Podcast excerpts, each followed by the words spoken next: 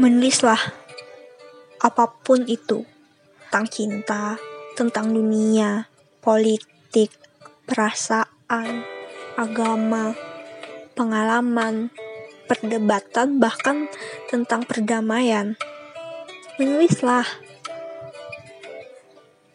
Tulislah sebuah sajak, sebuah prosa, sebuah puisi, buku, roman, makalah, riset, atau artikel.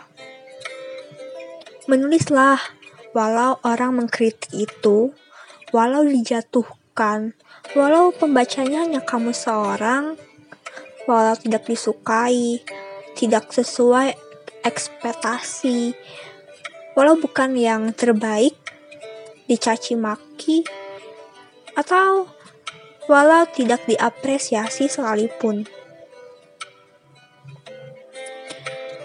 Tulislah isi hati, percakapan dari pagi, cerita absurd yang kamu pikirkan saat mandi, uh, yang berima atau yang tidak, yang akan disukai, yang pasti dibenci.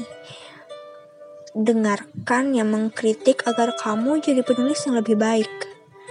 Dengarkan yang mendukung dan ingin lagi kembali.